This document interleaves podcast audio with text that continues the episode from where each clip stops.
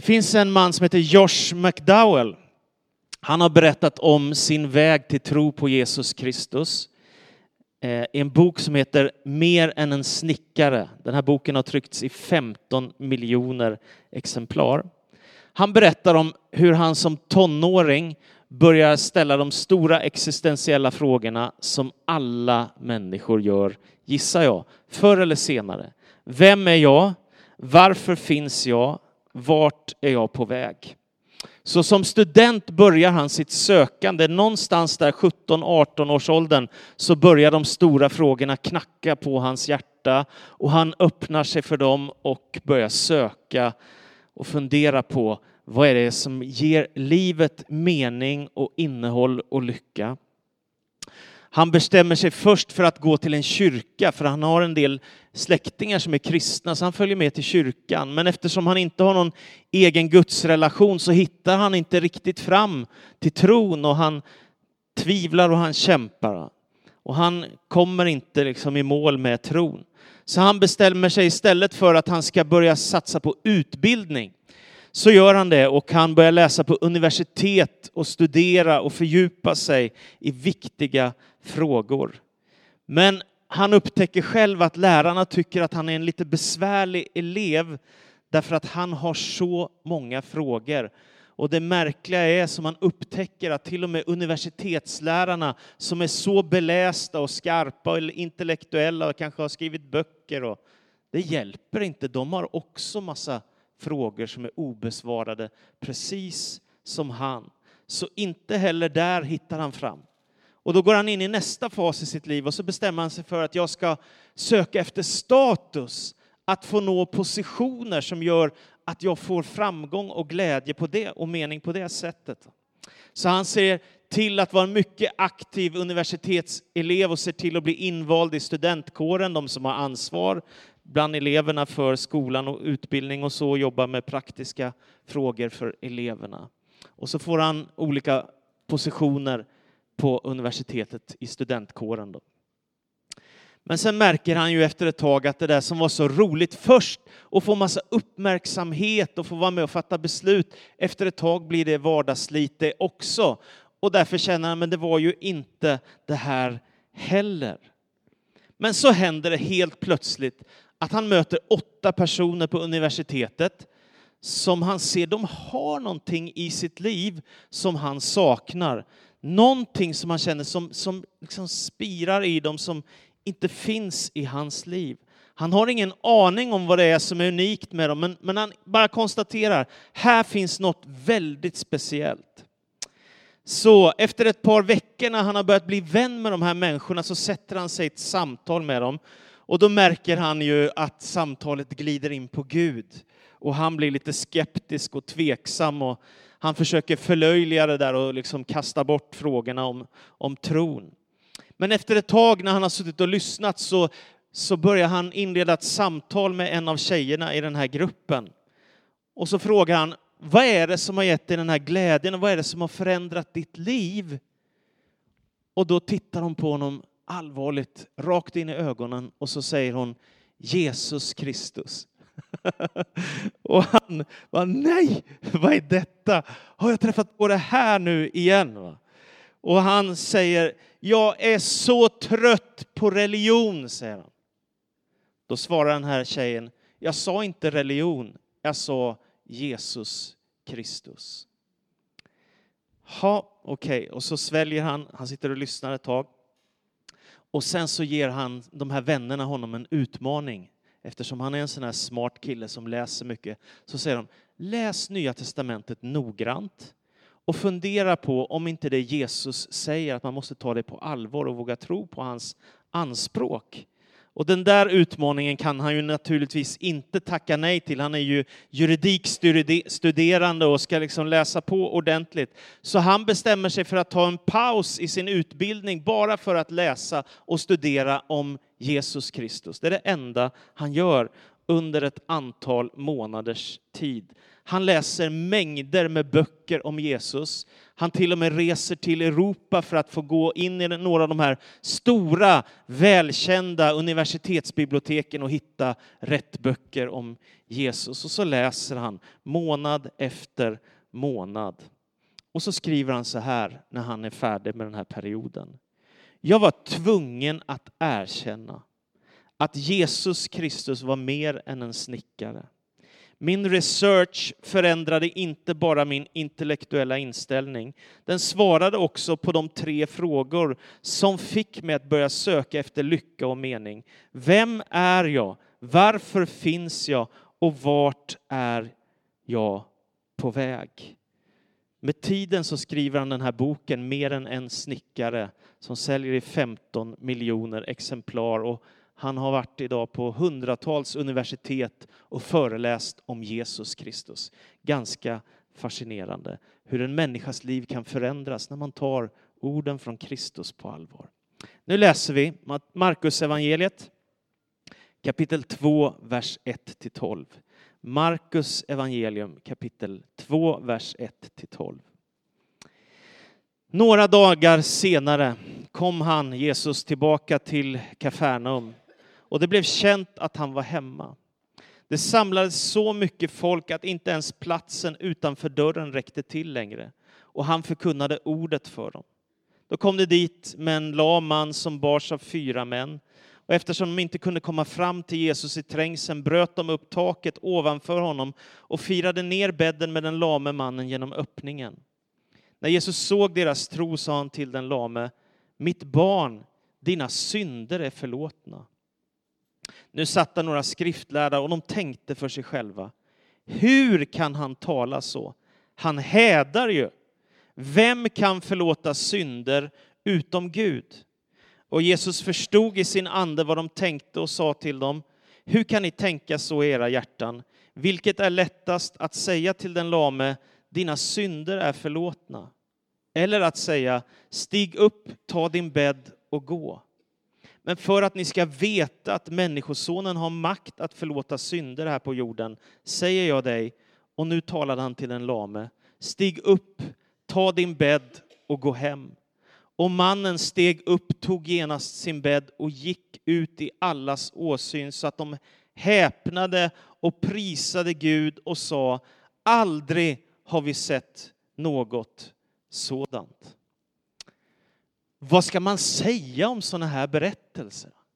De är ju fullständigt makalösa. Och om man tar de här orden på allvar så händer ju naturligtvis någonting med oss. När Jesus drar in på scenen här så säger han orden Mitt barn, dina synder är förlåtna. Och om någon människa säger så, så är det ju helt klart indirekt anspråk på gudomlig makt, eller hur? Alltså Jesus säger något som bara Gud kan säga.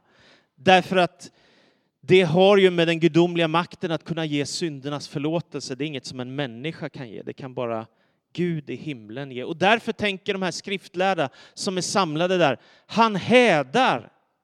Vad säger han för någonting? Han kan väl inte förlåta människors synd? Det är ju bara Gud som kan. Jesus kan förlåta synder, säger han. Han gör gudomliga anspråk och Jesus använder en av Gamla testamentets ord, Människosonen. Och så säger han för att ni ska veta att Människosonen har makt att förlåta synder. Och nu talar han till den lame mannen. Så sa han, stig upp, ta din bädd och gå hem. Och mannen steg upp och prisade Gud. Och folket prisade och tackade Gud. För att ni ska veta att Människosonen Kristus har makt att förlåta synder. Så se detta under som sker. Ungefär så.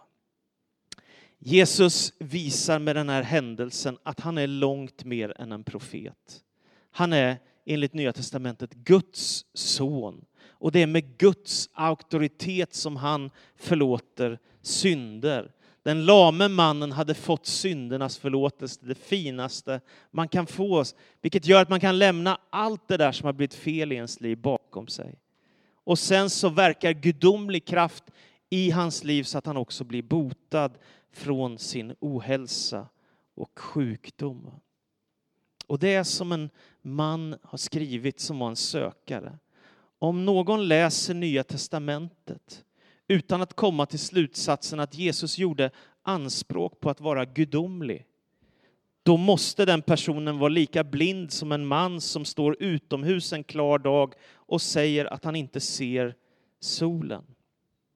Jag tänker mig mannens vänner där, som kom släpande på honom, som har varit lam under en lång tid med den där bädden och så försöka liksom få honom framför Jesus bäst de kan.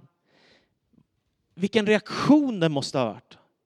Han som har varit lam, nu reser han på sig och så står han upp och kan gå iväg och Jesus säger ta din bädd och gå. Han kan själv gå därifrån med sin bädd. Vilken otrolig händelse. Va? En människa som är så svårt sjuk kan gå därifrån. Det måste ju varit ett wow! Vad är det med den där mannen, Jesus från Nasaret? Och så bryter lovprisningen loss naturligtvis. Nu går han hem på sina egna ben. Och så tänker jag, vad tänker de skriftlärda nu? De som tänkte Jesus hädade nyss. Och så ser de en man bli fullständigt botad från sin sjukdom.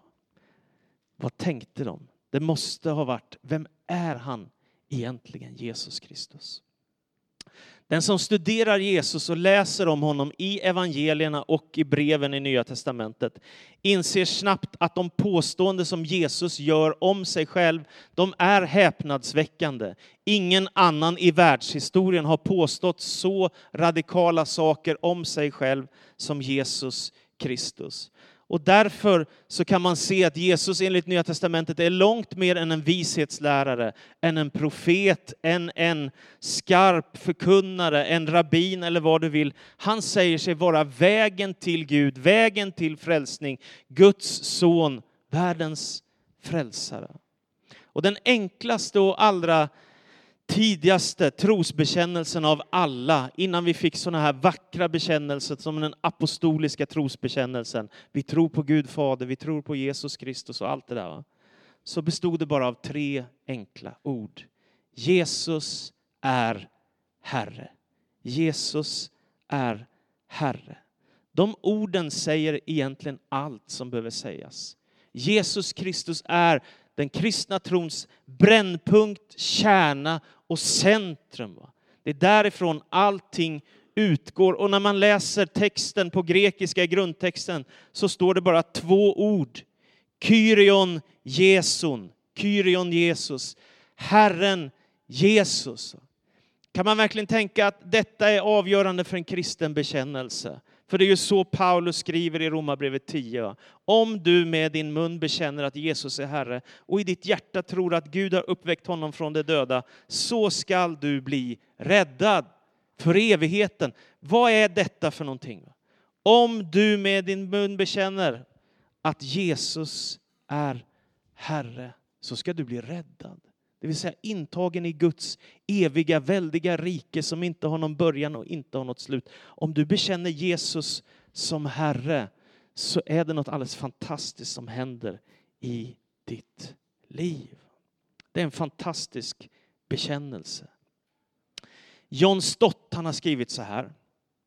Vad vi säger är alltså inte bara att Jesus var en av de stora andliga ledarna i världen. Det skulle vara totalt otillräckligt att kalla honom Jesus den store på samma sätt som Alexander den store eller Karl den store eller Napoleon den store. Jesus är inte den store. Han är den ende. Han har ingen jämlike, inga rivaler, ingen efterträdare. Jesus är Herre. Detta är kyrkans tro och detta är kyrkans bekännelse. Det finns ingen som Jesus. Med de tre orden Jesus är Herre så kan en människa definieras som kristen. Men måste man inte säga väldigt mycket mer? Jo, kanske. Och ändå är det allt som behövs för frälsning. Jesus är Herre. Och vad händer med alla andra herrar och storheter och väldigheter och makter om vi säger att Jesus är Herre? Jo, han sopar golvet med alltihop, eller hur? Det finns ingen som Jesus Kristus. Men Jesus är inte bara Herre, han är också Messias. När Jesu lärjungar är på väg tillsammans med honom till Caesarea Filippi så kommer den vassaste av alla frågor. Jesus ställer frågan som på en knivsägg. Vem säger människorna att Människosonen är? Vem säger de att jag är? Och då svarar, Pet, eh, då svarar de, vem, ja förlåt, Johannes döparen, andra säger Elia eller Jeremia eller någon profet. Och ni frågade han, vem säger ni att jag är? Och Simon Petrus svarade, du är Messias, den levande Gudens son. Då sa Jesus till honom, salig är du Simon Barjona, ty ingen av kött och blod har uppenbarat detta för dig, utan min fader i himmelen. Så här kommer förslagen först. Ja, han är nog någon profet, va? någon ovanlig gudsman. Och till slut, så när Jesus ställer frågan till lärjungarna själva, då är som vanligt Simon Petrus först på bollen och han säger Du är Messias, den levande Gudens son. Det är oerhörda anspråk. Du är Messias, du är den levande Gudens son. Och Jesus, han tillrättavisar honom inte, utan han säger salig är du Simon, Jonas son. För detta har du inte fått av dig själv, det här har min fader i himmelen uppenbarat för dig. Vad betyder Messias? Messias betyder den smorde.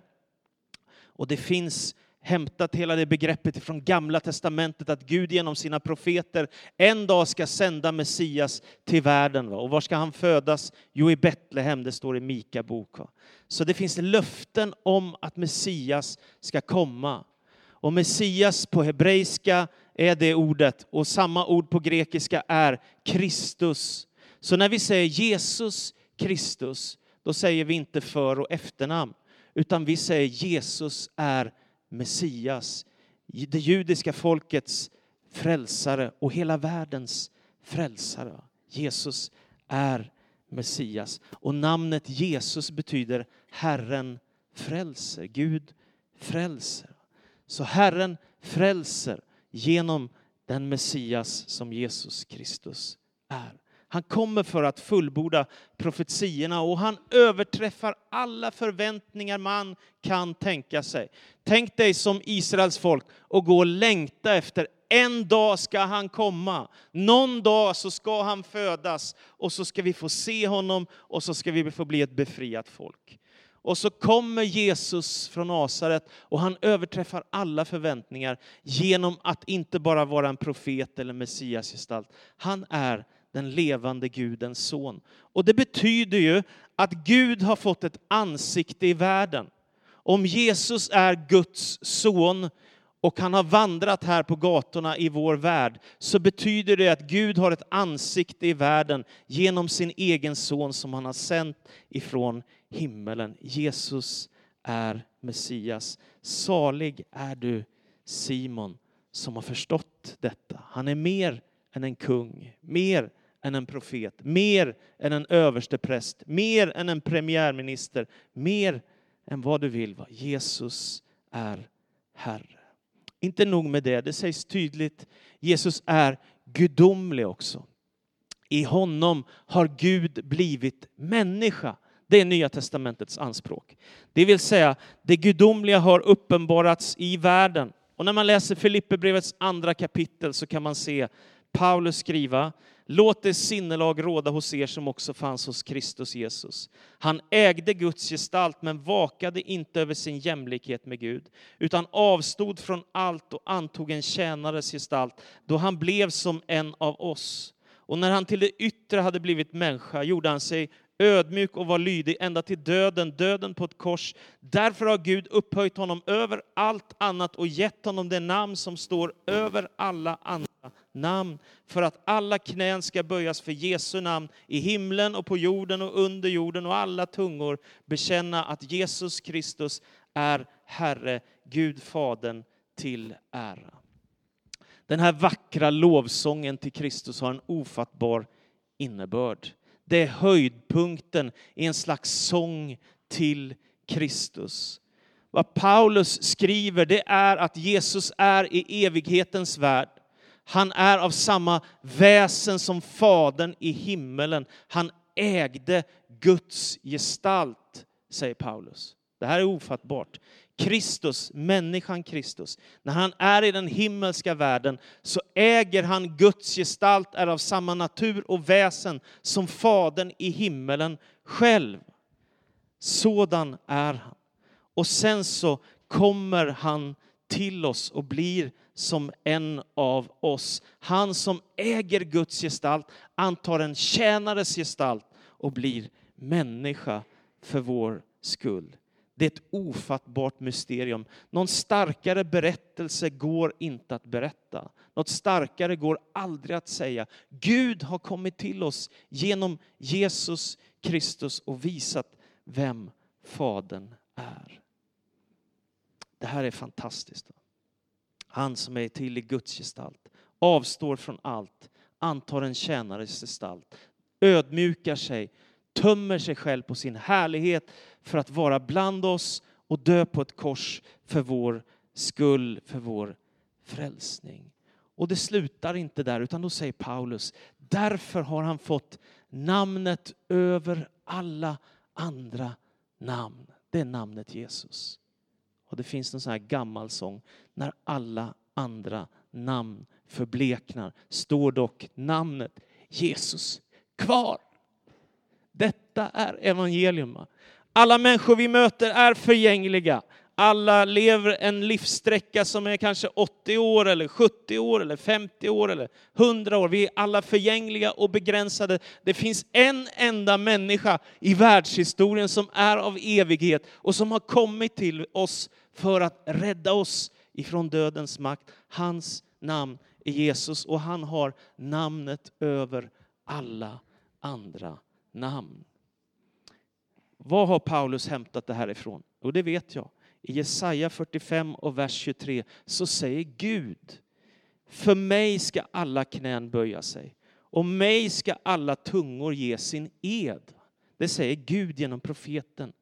Och nu säger Paulus att för hans namn, för Kristi namn, ska en dag alla knän böja sig och alla tungor ska bekänna att Jesus Kristus är Herre till Guds ära. Fantastiskt. Så vad händer här?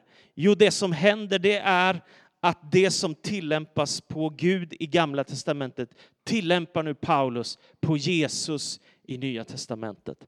Här är anspråken på att Jesus är gudomlig och att han en dag ska erkännas över hela världen. Alla människor ska förstå att Jesus Kristus är Herre. I grundtexten, så, i den här eh, bibeltexten, så står det att Jesus har blivit hyperhypso.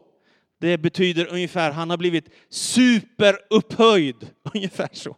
Superupphöjd, jätteupphöjd. Det här ordet finns inte någonstans i hela Nya Testamentet förutom här. Jesus har blivit upphöjd över alla andra namn. Och det heligaste namnet som finns bland det judiska folket, det är Javé, Guds namn. Jesus har fått namnet över alla andra namn. Så det som Gamla Testamentet låter syfta på Gud syftar nu på Jesus Kristus. Han är den gudomlige frälsaren. Och därför att bekänna Jesus som Herre, det är en otroligt stark bekännelse. Det får konsekvenser som är stora i alla människors liv som tar det på allvar. Det kommer påverka en, att det blir en radikal överlåtelse till Kristus i mitt liv. Det påverkar min vardag. Det påverkar alla beslut vi tar. Det påverkar våra prioriteringar. Det påverkar vårt sätt att leva. Det innebär att vårt livs högsta mål blir kärleken till Gud och till våra medmänniskor. Det påverkar relationen till andra, att möta människor i respekt, att kärlek. Det påverkar relationen till Guds folk. Det innebär att du blir inbjuden till en gemenskap som finns över nästan hela världen. Guds kyrka, hans församling. Det påverkar vår omsorg om fattiga och lidande och svältande människor eftersom de är Guds avbilder är de värda vår hjälp precis som alla andra människor. Det påverkar vårt uppdrag att vittna om Jesus och berätta de goda nyheterna för andra över hela världen. Varför?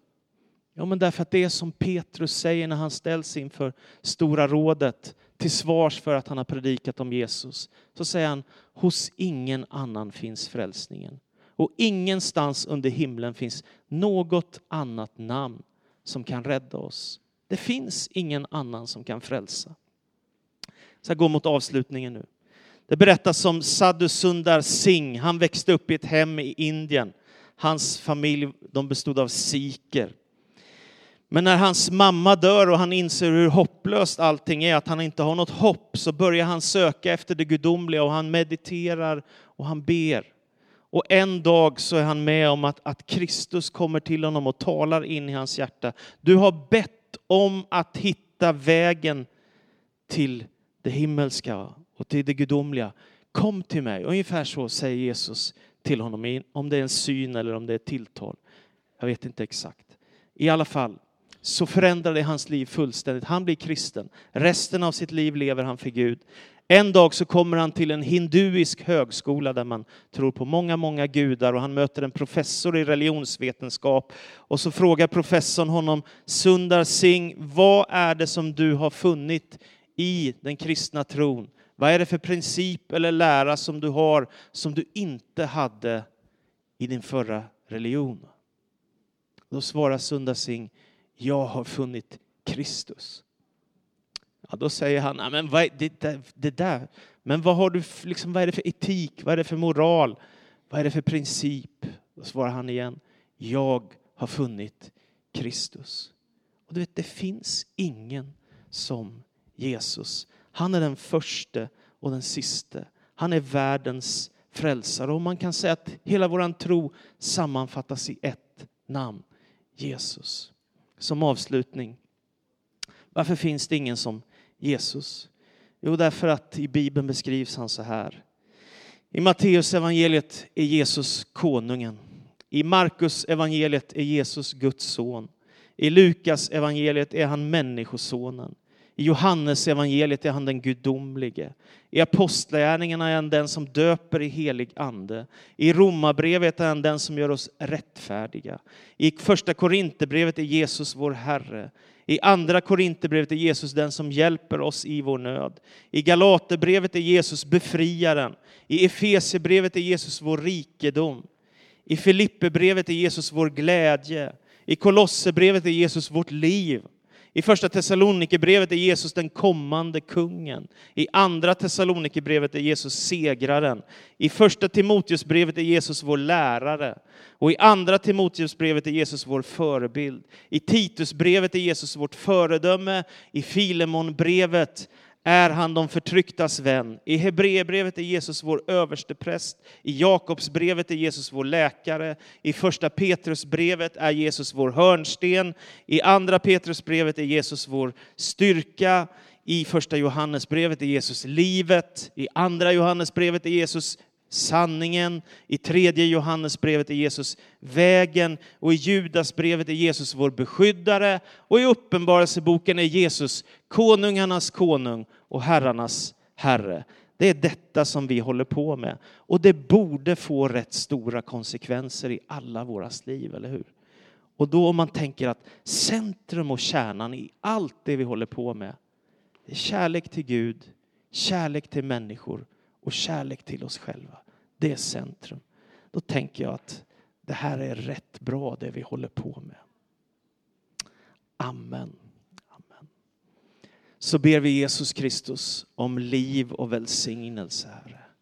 Vi ber om att få ta in de väldiga perspektiven i vår vardag, Herre. Att, att det vi har, Herre, vår familj eller vår lägenhet eller vårt hus eller vår bil eller vår semester eller vår trädgård eller våra böcker eller våra kläder. Det är inte allt, Herre. Här finns något som är större, här och jag ber att det ljuset skulle få lysa in i våra liv, Herre. Det är min bön, Herre.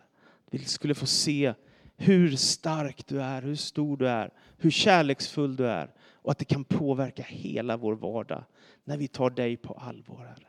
Så jag ber, kom med din närvaro och välsignelse i avslutningen av vår gudstjänst, Herre. Tack för att du hör bön. Amen.